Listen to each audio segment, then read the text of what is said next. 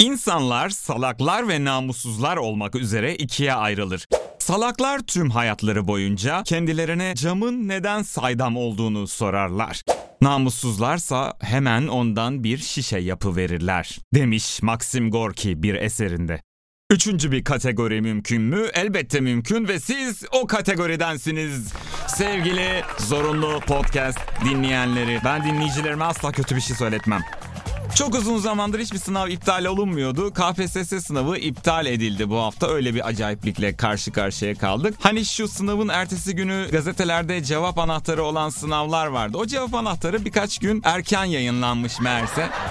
Birkaç soru tamamen aynıymış. Şimdi insanlar birbirlerine aynı soruları sorabilirler. Her gün birbirimize bir sürü aynı soru soruyoruz ama tabii bu sınavda çıkacak olan soruların içerisinde ise biraz tuhaf oluyor. Bu bana şunu gösteriyor. Demek ki hayatta eğer doğru yere bakarsanız her sorunun cevabını bulabilirsiniz.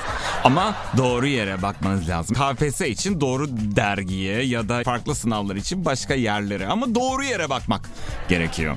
Bir de bazı insanlarda her sorunun cevabı var. Mümkün olabilecek her sorunun cevabı adamda var. Hem sosyal medya uzmanı hem siyaset uzmanı.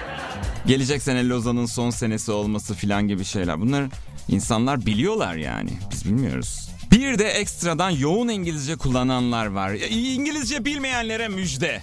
Şimdi size 4 tane çok kritik cümle vereceğim. Eğer İngilizce bilmiyorsanız bu cümleleri ortamlarda kullanarak İngilizce biliyormuş gibi görünebilirsiniz. İlki guilty pleasure.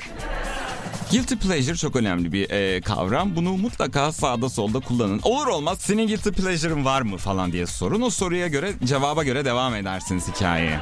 Bir diğeri de pure evil. Anlamını bilmeden çok rahat kullanabileceğiniz başka bir kalıp.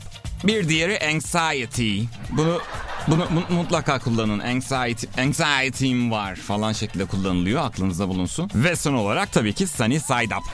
Bunu bunu siparişlerde kullanabilirsiniz. Nerede kaldı benim sunny side up'ım falan şeklinde söyleyebilirsiniz. Bu dört cümleyi, dört kavramı daha doğrusu cümle değil de yerli yersiz kullanırsanız kendinizi bile hatta İngilizce bildiğinize inandırabilirsiniz. Sevgili dinleyenler şimdi arsa satışına geçiyoruz. Doğrudan satış. Silivri'de imarsız, izansız 300 metrekare arsalar. İmarsız, izansız. Çok dikkat.